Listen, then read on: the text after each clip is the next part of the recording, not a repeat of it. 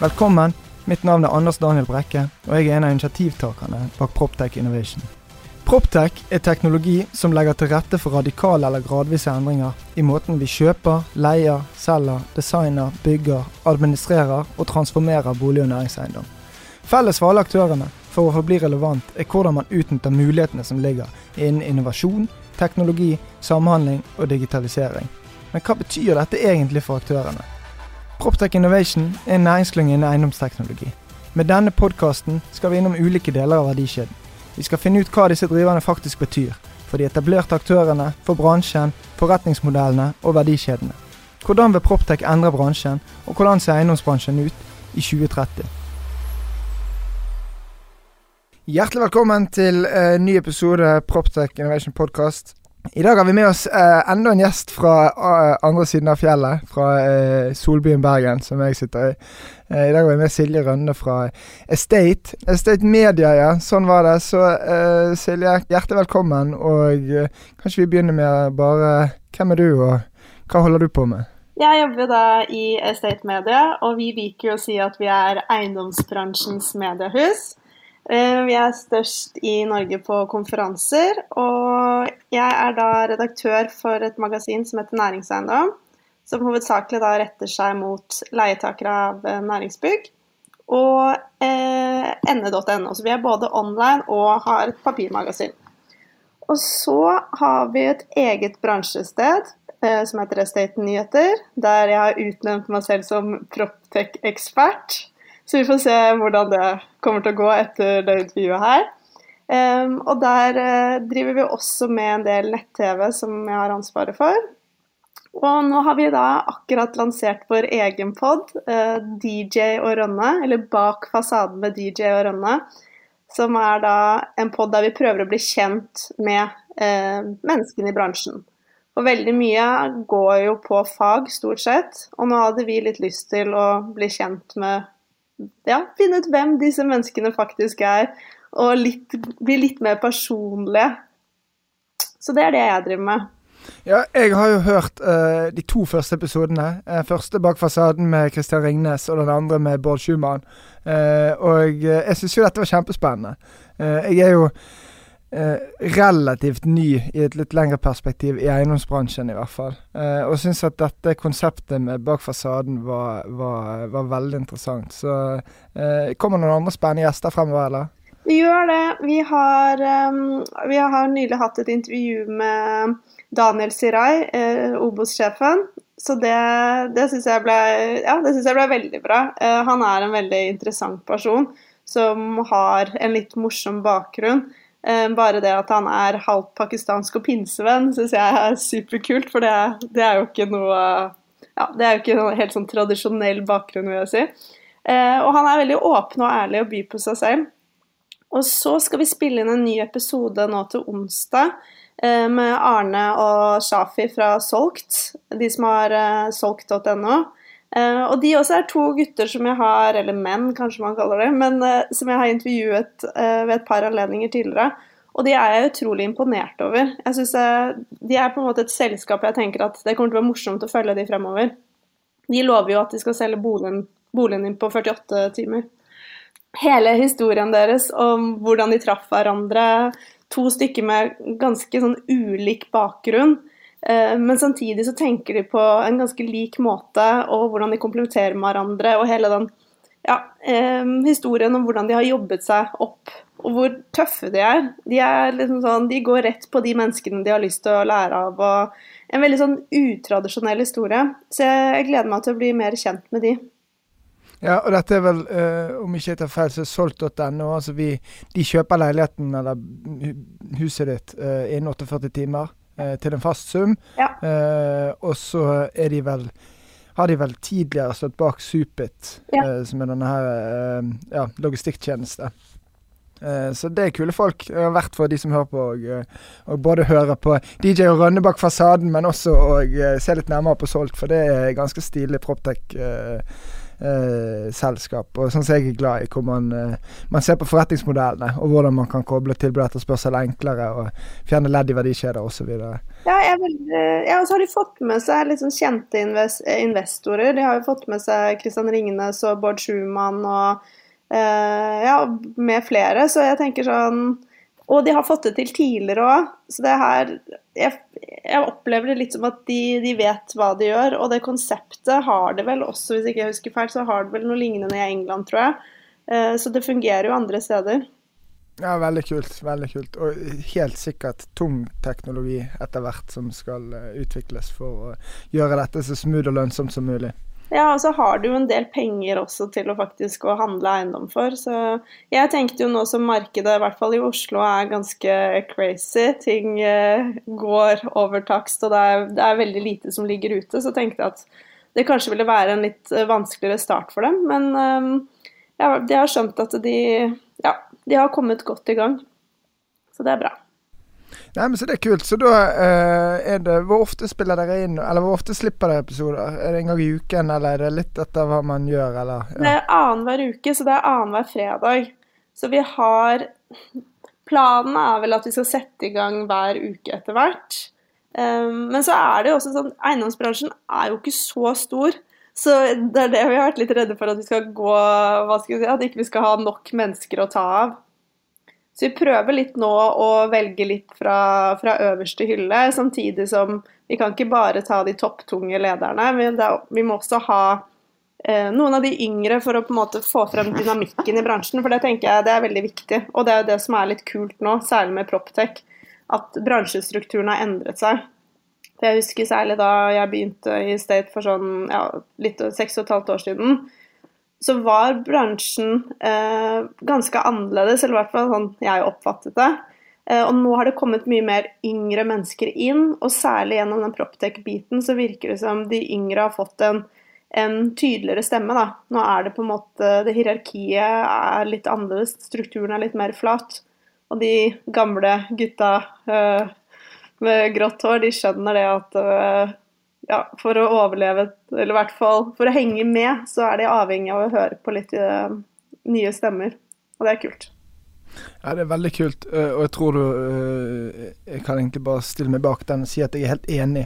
Min opplevelse fra eiendomsbransjen fra for tre år siden, når jeg på en måte kom inn her til i dag, er jo to forskjellige verdener. Og det har jo skjedd utrolig mye bare på de siste ja, halvannet året spesielt akselerert. Også med Proptech som en enabler, men jeg opplever òg at det skjer mye annet eh, som ikke også nødvendigvis bare handler om teknologi. Eh, så, så, det er kult. Eh, men eh, ja, dere må jo eh, få med noen deltakere fra, fra, denne, fra andre siden av fjellet òg, da. Ja, vi må det. Nå har jo ikke vi Vi har jo, til tross for at det er korona, så vi har jo lagt opp veldig Vi har fulgt koronatiltak, men vi har jo eh, hatt gjestene våre i studio, men jeg ser jo at det her fungerer jo like bra. Så det, snart kommer du til å bli invitert på podkast. jeg har ikke forsiktig meningen å invitere meg sjøl, men det er mange spennende eiendomsfolk i Bergen. Eh, eller, og helt sikkert mange steder i Norge. Så, uh, men det, det, det, vet dere bedre enn meg. Bergen er jo et område Vi, vi har jo Estate West, så vi satser jo på Bergen. Uh, men vi har jo Ja, vi merker jo det at uh, det er enklere å komme inn i Stavanger enn det det er i Bergen. Dere er litt uh, mer kresne. Ja, en sånn særbergensk greie med at vi heier på hverandre. Ja. Uh, så skal helst ikke komme noen utenfra uh, og fortelle oss hvordan ting skal gjøres. Det jo, sånn har det vel vært lenge. Ja. Og det stemmer nok sannsynligvis litt i eiendomsbransjen òg, men ja, vi får se. Du, la oss snakke litt om noe jeg vet at du kan mye om, og som jeg egentlig kan lite om. Eh, og det handler jo om eh, næringsbygg og kontor og covid og fremtiden. Eh, og du i din rolle intervjuer jo sykt mye spennende folk. og sitter i så måte på egentlig en unik kompetanse på, på dette. Så ja, where to begin? Nei, det jo Det blir jo spennende å se fremover nå. Uh, man snakker mye om en, eller hvordan uh, den nye arbeidsdagen vår vil bli når alle kommer tilbake og ting er tilbake til, den, til normalen. Uh, nå har det jo, hva skal jeg si, uh, de siste årene så har vi vært igjennom ulike faser. Det var fra cellekontor til plutselig alle skulle inn i åpent landskap. og så fungerte ikke det, og så kom det da masse tilleggstjenester um, som var lydskjerming og hele den biten der. Og så har vi vært inne nå i det som man kaller activity-based office, der hver arbeidsplass skal være tilrettelagt for den oppgaven du skal gjøre. Uh, sånn at trenger du ja, å, sitte med en oppgave med mye konsentrasjon, så skal du sitte i et lite stillerom. Er det gruppearbeid, så skal, det være, liksom, skal arbeidsplassen eller det rommet være eh, tilrettelagt for det. Eh, og nå er det jo en sånn ny runde igjen. Hva, hvordan kommer fremtiden til å bli? Kommer man til å jobbe mer på hjemmekontor? Kommer kontorarealene til å bli mindre fordi det ikke kommer til å være så mange ansatte? på kontoret, eller eh, Ja, det er, det er, mange av de spørsmålene der som eh, tas opp. En del av de rådgiverne jeg har snakket med, mener jo at kontorarealene våre ikke kommer til å bli mindre. De mener sånn tvert imot. Og at eh, denne pandemien her har bevist at kontoret er veldig viktig. Vi snakker veldig mye om de, de sosiale møteplassene foran kaffemaskinen, hele den biten der. At man har sett at ja, mange jobber kanskje mer effektivt hjemme eh, så lenge barn eh, er i barnehage og på skole. Men at man ikke får den samme kreativiteten, da, utviklingen, innovasjonen. At man er veldig avhengig av de små møtene på arbeidsplassen. Så eh, i hvert fall sånn som det ser ut nå, eh, er vel det at vi kommer til å gå tilbake til kontoret. Eh, men at det kommer til å bli mye mer fleksibilitet. For nå har vi på en måte også bevist at det er fint mulig å jobbe hjemmefra. Um, ja, og egentlig gi mer ansvar til uh, den enkelte. Men så er det også sånn som nå, er det bl.a. Eh, Obos har jo satt i gang med Obos uh, nærkontor. Um, der man også skal ha muligheten til å Jobber du inne i sentrum, men bor i, ja, på Lørenskog, så skal du ha mulighet da Nå vet jeg ikke om de akkurat åpnet kontor der, men sånn eh, ha mulighet til å ha en arbeidsplass i området. Og det er jo en trend som man har sett da, gjerne fra, større, fra storbyer sånn som London. Eh, at mange av de ansatte For der, der, er det jo få som faktisk bor i byen, men de fleste bor utenfor og bruker en halvtime på toget kanskje hver dag. Eh, at de har etablert flere sånne type nærkontor. Eh, for å være ærlig så er jeg litt også usikker på hvor stort det kommer til å bli her i, i Norge. Eh, for det, det, er jo ikke så mange som har så voldsom pendlevei her, og vi er heller ikke så mange mennesker som, som f.eks. bor i Oslo. Um, så den biten her er jeg ja, litt usikker på. Men samtidig så ser vi da at co-working-markedet det vokser jo som bare det. Um, og de, til tross for korona, så er jo det noe eiendomsutviklerne satser på. Og flere bedrifter også har sett det at uh, kanskje ikke de har de største eh, kontorlokalene, men at de kan ha mer fleksibilitet da ved å ha en avtale med et co-working-selskap i nabobygget eller ja. Så jeg tror fleksibilitet tror jeg vel kanskje er det viktigste som vi kommer til å se fremover. Ja, jeg tror du har helt rett. Uh, og så tror jeg ikke nødvendigvis at det koronapandemien fører til at man endrer behovet for kontorlokaler. Men det endrer kanskje måten man leder på, kanskje måten man jobber på. Uh, og ikke minst dette med fleksibiliteten. Jeg hadde tenkt å spørre deg om disse nærkontorene, og hva du tenkte om det. Uh, jeg husker for tre år siden så gjorde vi et mulighetsstudie når jeg jobbet i boligbyggelaget Bob, som er Obos i, i en mindre, mye mindre versjon i, Bergen, men fortsatt ganske svær. Eh, så eh, gjorde vi en mulighetsstudie, fordi vi vet jo det at utrolig mange av disse borettslagene og sameiene som er bygget på tidligere, har jo store grendahus og, og, ledige lokaler som på en måte ikke brukes til noe annet enn en, et årsmøte og en konfirmasjon eh, en søndag i mai og en 40-årsdag kanskje på vinteren. Så utrolig mye ledig kvadrat som står ubrukt. Eh, men det var en ganske komplisert case, og så fikk vi på en måte aldri det egentlig helt til å gå opp i forhold til at tror vi, tror vi hardt nok på det at hvis du bor i Åsane, som er Norges største bydel, eh, så er det bare ti minutter fra Åsane inn til Bergen sentrum, der du har kontoret, eh, å kjøre. Eh, eller ti minutter med ekspressbuss. Tror vi da at det vil bli en voldsom endring med at man heller da foretrekker å gå opp og sitte i et co-work med naboen. Uh, skeptisk. jeg, er enig med deg akkurat i akkurat det, men det kan være at uh, vi begge tar feil. Men jeg så jo Obos, en av kontorene skulle være på Fornebu, og det også tenker jeg sånn Er det langt nok hvis du har kontor i sentrum, og ja, bli værende på Fornebu istedenfor å sette deg ti minutter på buss eller bil eller um, men det er, det er, jo interessant å se. Men samtidig også, så oppfatter jeg da at en del av de trendene man ser i utlandet, kanskje ikke liksom kommer til Norge i like stor skala. For at er vi ikke litt tradisjonelle og trause, og vi liker liksom sånn Vi liker de gode, gamle vanene, da. Men vet, det blir bare spennende å se. Eh, man vet jo ikke. Nei, eh, du har helt rett. Vi vet jo ikke. Eh, og vi kan jo bare sitte her og synse. Det kunne vi sikkert sittet hele helgen og synset. Ja. Så vi får heller bevege oss litt videre. Men dette var veldig innsiktsfullt og fint. Og så um, Eh, bare si det, Jeg følger jo med på Estate Nyheter og Estate Vest, eh, og der har du begynt disse video... Eh, ja, Du kan gjerne fortelle om det sjøl, men det er vel noen sånne små videoer hvor du eh, Hovedtemaet er bærekraft, og så beveger dere dere innenfor bærekraft og teknologi. Stemmer det? Ja, det som er at vi har um, State Play, uh, og der lager vi ulike serier. Um, gjerne på ti episoder som vi tar opp ulike temaer. Og en av de seriene vi har hatt, er jo Vi har, har en egen sånn Proptech-serie, men så har vi også hatt en som heter Vi skal redde verden, som er en miljøserie. Uh, og utgangspunktet der var jo at jeg møtte Nicolai Riise, som er uh, administrerende direktør i Mad Arkitekter, på MIPIM. Um, og det var vel i forfjor, eller året før der kanskje, jeg husker ikke helt. Men så spurte jeg han eh, hvorfor er du på MIPIM, og så sier han jeg skal redde verden. Eh, og det syns jeg jeg synes var ganske cocky eh, og kult sagt. Eh, og han er veldig opptatt, han og meg er veldig opptatt av bærekraft. Um, og da jeg skulle lage denne miljøserien, så ja, tok jeg opp kontakt med Nikolai, og så spurte jeg om han var interessert i å lage den sammen med meg. Um, og vi hadde liksom lyst til å hva skal vi si, prøve også å liksom samle den kunnskapen som, uh, som, var, og se litt på hva er det vi mangler. Uh, og det vi liksom så da, er jo at veldig mange driver jo med sitt, men det er veldig få som på en måte kommuniserer. Og vi hadde veldig mye fokus på, på, gjenbruk.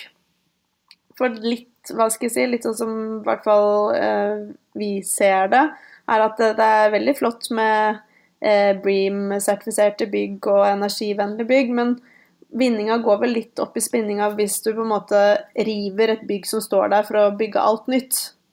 Eh, det var litt Ja. Og, og det har, har, vi sett ganske mye av i bransjen frem til nå. Eh, at det er flotte miljø sertifiseringer og stolte eiendomsutviklere. Men så tenker jeg sånn OK, men du har rivd alt som er der for å bygge opp noe nytt som er energivennlig.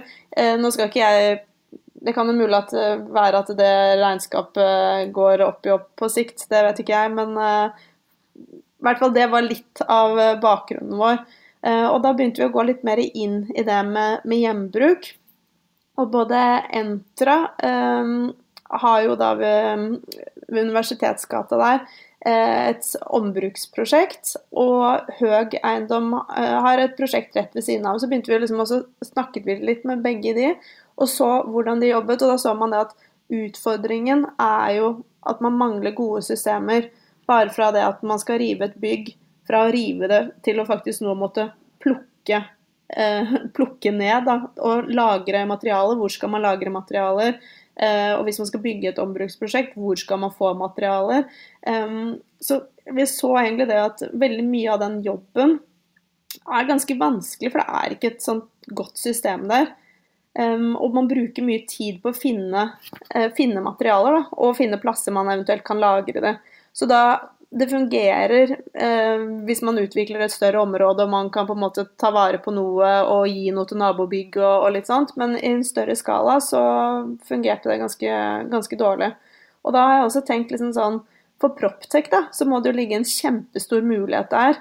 Eh, men bare det å finne et system for liksom type Airbnb nesten, for eh, lagring av materialer og Det er veldig i vinden om dagen med materialbank. Um, og alle er vel enige om at eh, teknologi kommer til å spille en stor rolle i forhold til hvordan vi skal løse det å kunne da knytte opp under akkurat det som du sier, tilbud og etterspørsel på disse materialene. For hvis du må mellomlagre de i to år, eller eh, flytte de til um, Flytter de 50 mil, så går som sagt uh, vinningen litt opp i spinningen, som du nevner der. Så Ja. det, det er masse spennende initiativer eh, flere steder i Norge som jeg har fått med meg. I tillegg så er dette Madaster uh, fra Nederland, som er sannsynligvis blant de som ligger lengst fremme da, på å lage en sånn materialbank-teknologi som kan være verdt å, å se litt nærmere på. Men um, Eh, Det er et kjempespennende tema. da. Og det er jo klart Eiendomsbransjen står for så mye utslipp og har så stort potensial til, til å være med og virkelig bidra til å redde verden. Ja. Så vi, vi må jo få det til. Og så tenker jeg mange av de prosjektene også. Jeg så det er um, i Stavanger, på Forus, så er det noe som heter FOMO. Eh, og han Magnus der, han har jo skikkelig fått det til. Jeg tenker at Hele sånn interiøret, selv om alt er ombruksmaterialer, så ser du jo Det blir jo mye mer sånn personlig stil. Det får mye mer eh, Ja, det, det blir noe helt annet. Det får en mye større personlighet og identitet. Så det er jo fint mulig å bruke gamle materialer, men akkurat nå så virker det ikke som det er så lønnsomt foreløpig. Nei, og du var inne på det òg, at det er mange måter å regne eh, bærekraft på. Og det hjelper liksom ikke å bygge et fantastisk flott høyt trehus hvis all materiale må fraktes fra Latvia, eh, og så regner man bare på brukstiden osv. Men eh, la oss ikke gå inn på det. Men eh, ombruk, gjenbruk, eh, kjempespennende. Hva, hva, hva flere steder eh, innenfor bærekraft bør man eh, titte nærmere på? En, en ting som jeg syns som kom, eh, som faktisk Høg kom med nå nylig, som jeg også synes er Det er også fortsatt innenfor eh, gjenbruk, men som jeg syns var ganske interessant, er at de skal bygge et nytt bygg nå som skal hete Hasle 3. Eh, som er et sånt jeg tror 3000 kvadratmeter eh, bygg av tre. Men det skal også være demonterbart. Og da tenker jeg, da begynner man å tenke litt annerledes. Um, for det, det er i hvert fall noe som ikke jeg har sett tidligere. Og det så også Ikea også kom jo nå eh, nylig med De leverer en sånn eh, demonteringsanvisning for de populære møblene sine. Og når man liksom begynner å tenke der, så det syns jeg er ganske spennende. Ja, øh, du har disse WheelMe òg. ikke det litt i en enabler for å kunne f.eks.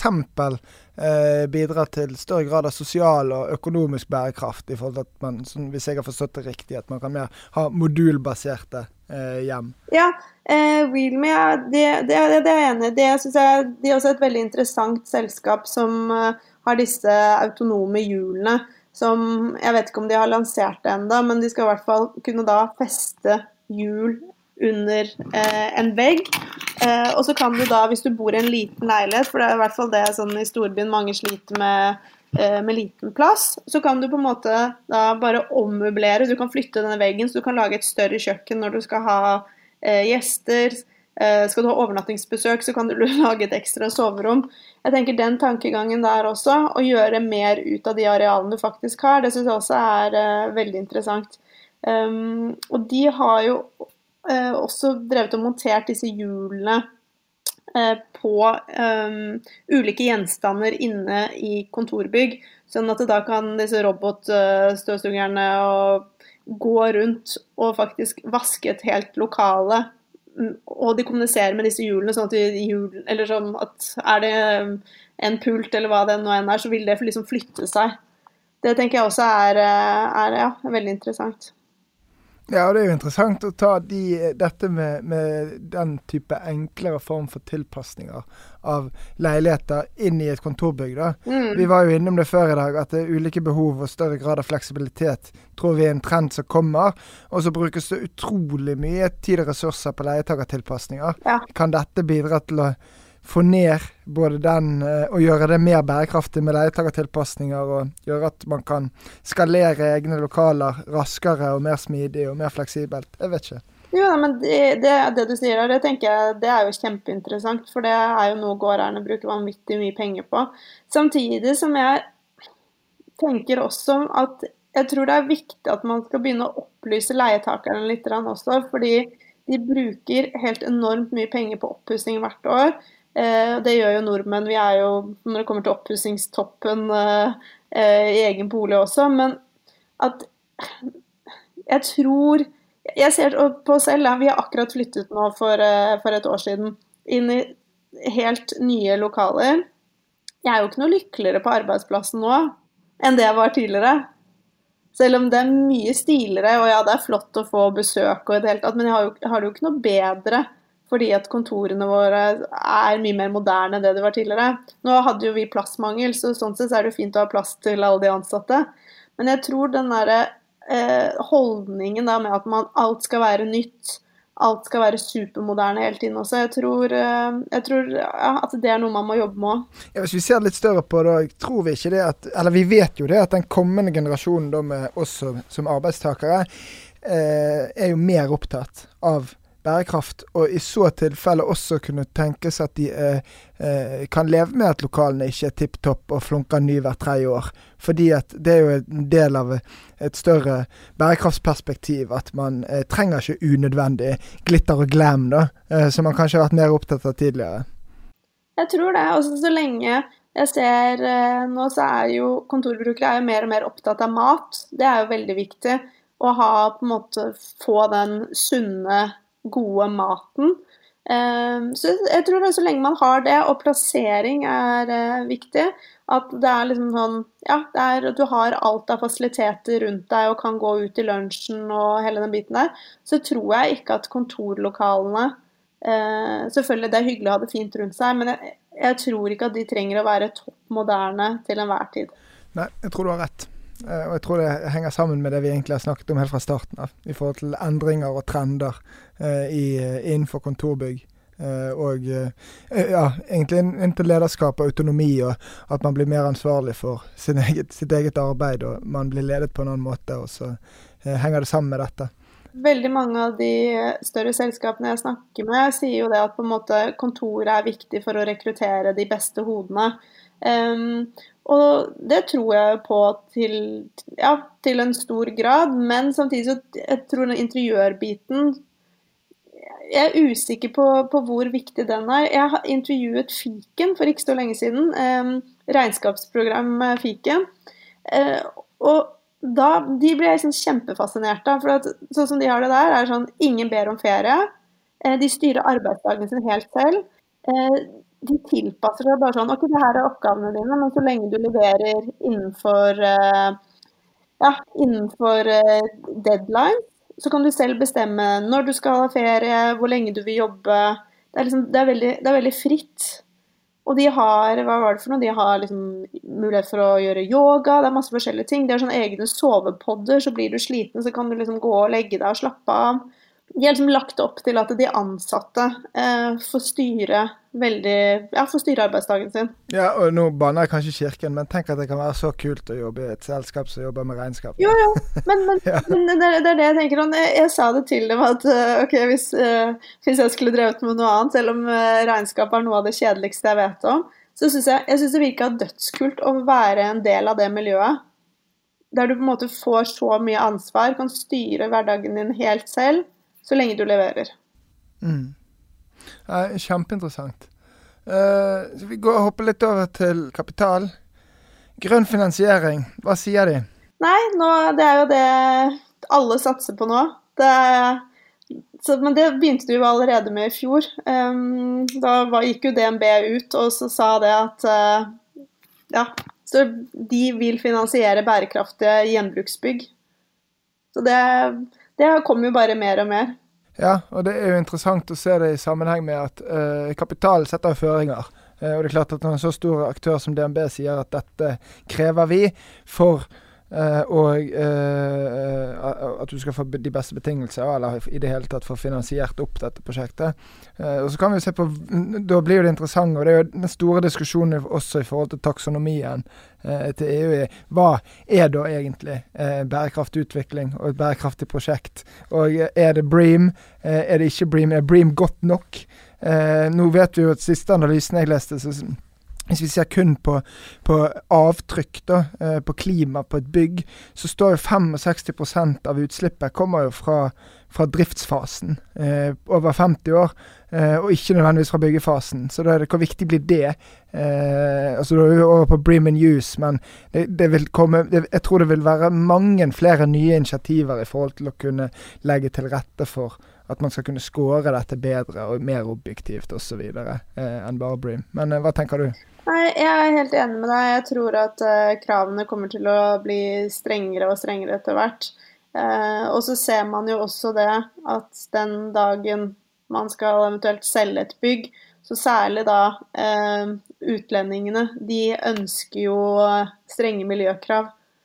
Så nei, jeg, jeg, tror det er som du sier, jeg tror det bare kommer til å bli viktigere og viktigere, den, den delen der. Og jeg syns det er kjempeflott at uh, bl.a. DNB da går ut og ja, stiller krav til lånetakerne sine. Hva sier bransjen? Uh... Nei, uh, hva skal jeg si?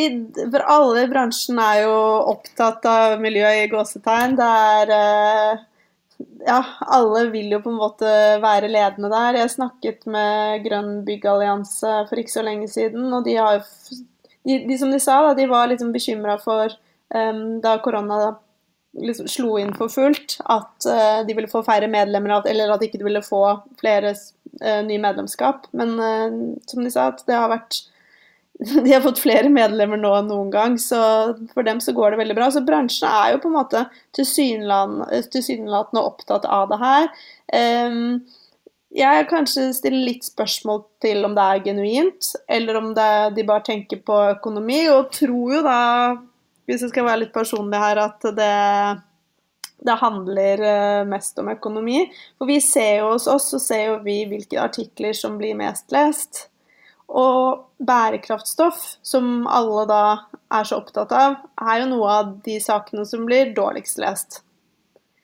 Um, så får man jo tolke det hvordan man, hvordan man vil. Ja, det er jo interessant innsikt eh, på, et sånt perspektiv. Det har jeg aldri tenkt på før, men selvsagt. For det er jo bransjen eh, som er inne dere. Eh, og aktørene i bransjen. Ja. Eh, så det er jo i hvert fall en, en pekepinn da, på hva som er viktigst, eller mest interessant for, mm. for aktørene i bransjen. Så mange syns det er mer spennende når noen bytter jobb eller kjøper og selger et bygg.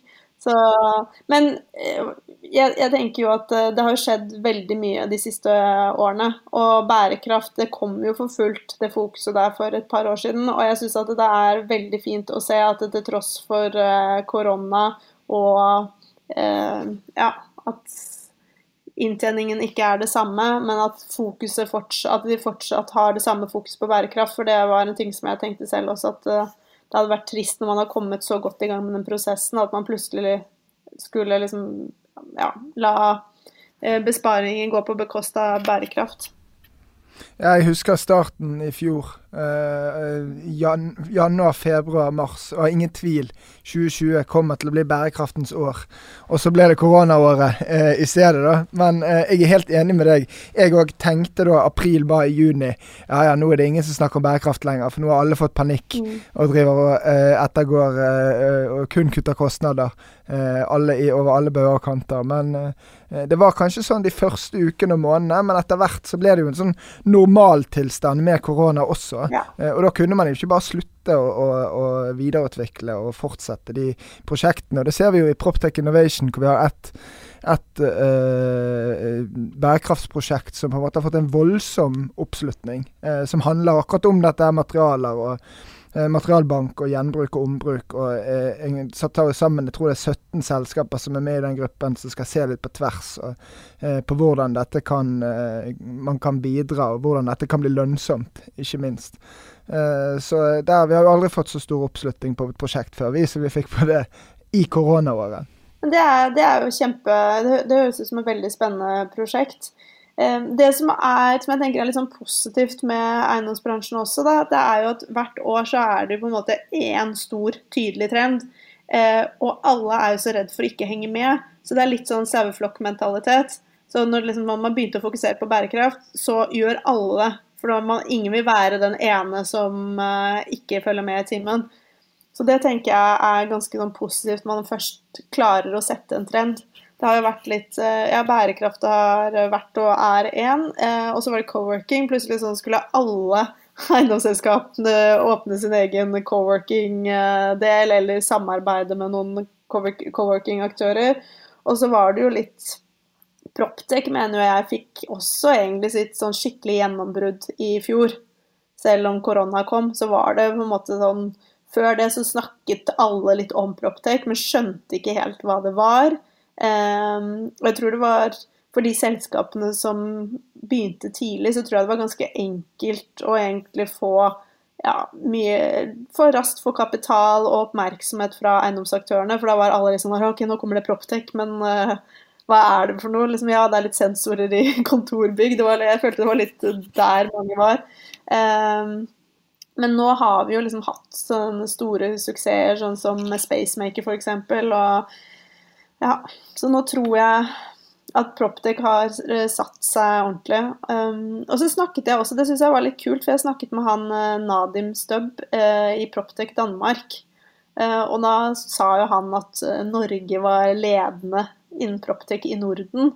Og da ble jeg litt stolt, for det, det var ikke jeg klar over. Um, og så fikk Anders Mjåseth, han fikk meg litt, han fra Mesh, fikk meg litt ned på jorda igjen. For han sa at ja, vi ligger kanskje litt foran, men man mente at man skal liksom ikke bli for høy og mørk, for det er ikke så store forskjellene ennå.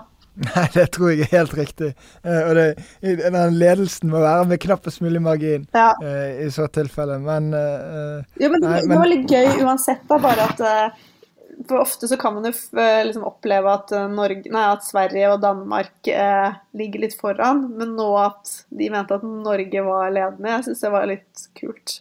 Ja, jeg var med nå for noen uker siden uh, i et sånn Nordic Innovation House-arrangement av Innovasjon Norge ut fra kontoret deres i New York. Mm. Uh, med nordisk perspektiv, og de hadde nominert to startups fra hvert av landene som var med i en sånn pitchekonkurranse, og så var det en sånn debatt. Uh, og det var akkurat det samme innspillet der òg. At svenskene, danskene og islendingene mente at Norge lå fremst. Ja.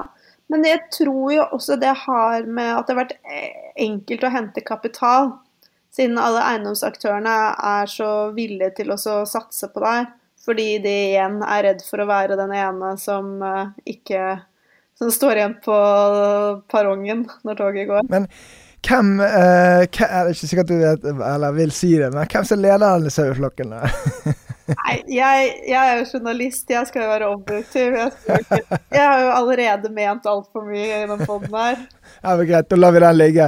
Uh, da uh, nærmer vi oss uh, etter hvert slutten. Jeg har, jeg har, to spørsmål til. Hvordan er, hvordan er, det å være journalist i eiendomsbransjen? Det, det, har vært en ganske sånn, interessant reise, for å være helt ærlig. Jeg husker jo um, da jeg startet, så visste jeg jo ingenting så å si, om eiendomsbransjen, men bare kastet meg ut i det. Eh, og så jo på den bransjen som en veldig sånn, stor bransje, før jeg liksom forsto at å ja, det her er det noen få høvdinger. Eh, og heldigvis da, så har jo Estate de største eiendomskonferansene, så du blir veldig fort kjent med folk der.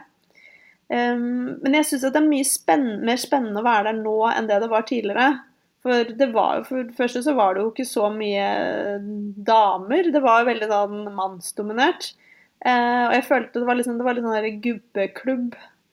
Og nå er Nå merker jeg det at de unge, særlig etter det Unge næringseiendom, eh, det initiativet, så har liksom de unge har fått en større stemme. Det ser vi på en måte på konferanser. Vi ser liksom hvem som uttaler seg i artikler. Og det syns jeg, jeg synes er kult, fordi Um, jeg tenker at det er litt sånn, Jeg husker Kristian Ringnes sa at du, du, må være dum hvis du har hatt penger og ikke har fått det til i eiendom tidligere. For det, det, Tidligere så var det vel ikke så eh, komplisert. Eh, så en del av de som har gjort det bra Så jeg vil ikke si at, eh, at de ikke er intelligente og flinke, men sånn Jeg ser at en del av de som kommer inn i bransjen nå, det er sånn som Dag Jørgen og jeg, eh, min kollega, han som er redaktør for Estate Nyheter, har snakket om noen ganger at bare sånn Oi, jeg vet ikke om vi hadde fått den jobben i dag, for det kommer så mange dyktige mennesker inn. De har en helt annen kunnskap, de er så sultne. Um, og tidligere så virket det litt som bransjen bare var Da var det greit så lenge du kunne liksom drikke noe god vin og spise middag, og du satt og skålte litt, og så gjorde du en deal. Så nå så føler jeg, jeg føler at de unge liksom bringer inn en, eh, en helt annen kunnskap. De gjør det mye mer interessant, og nå begynner det også å bli litt mer mangfold òg enn det det har vært. Og det tror jeg Eiendomsbransjen har jo vanvittig mye makt, for det er jo de som utvikler eh, hele byen vår. Eh, de, ja, de store boligprosjektene, hvordan vi skal bo, hvordan vi skal jobbe. Og jeg tenker at det er ikke sunt at det skal være én type mennesker som skal sitte og bestemme hvordan alle vi skal leve. Så jeg tror at det der å få inn større mangfold, eh, litt yngre mennesker, menn og kvinner, jeg tror det er kjempeviktig. Ja, jeg stiller meg bare bak og sier jeg er 100% enig. Det er godt. Silje, dette var uh, veldig lærerikt og veldig hyggelig. Uh, så uh, jeg tror vi runder av der, jeg. Ja. så da sier jeg bare tusen takk for at du ville være med i podkasten vår. Også, og tusen ja. takk for at jeg fikk komme. Det her er som jeg sa til deg i forkant, det her er jo første gang noen har intervjuet meg, så jeg syns det var veldig skummelt. Ja, nå, nå, På neste intervju nå så vet du hvordan det føles. Ja, Nei, men Strålende. Ha en strålende dag, så snakkes vi. Vi gjør det. Takk skal du ha. Hei, hei.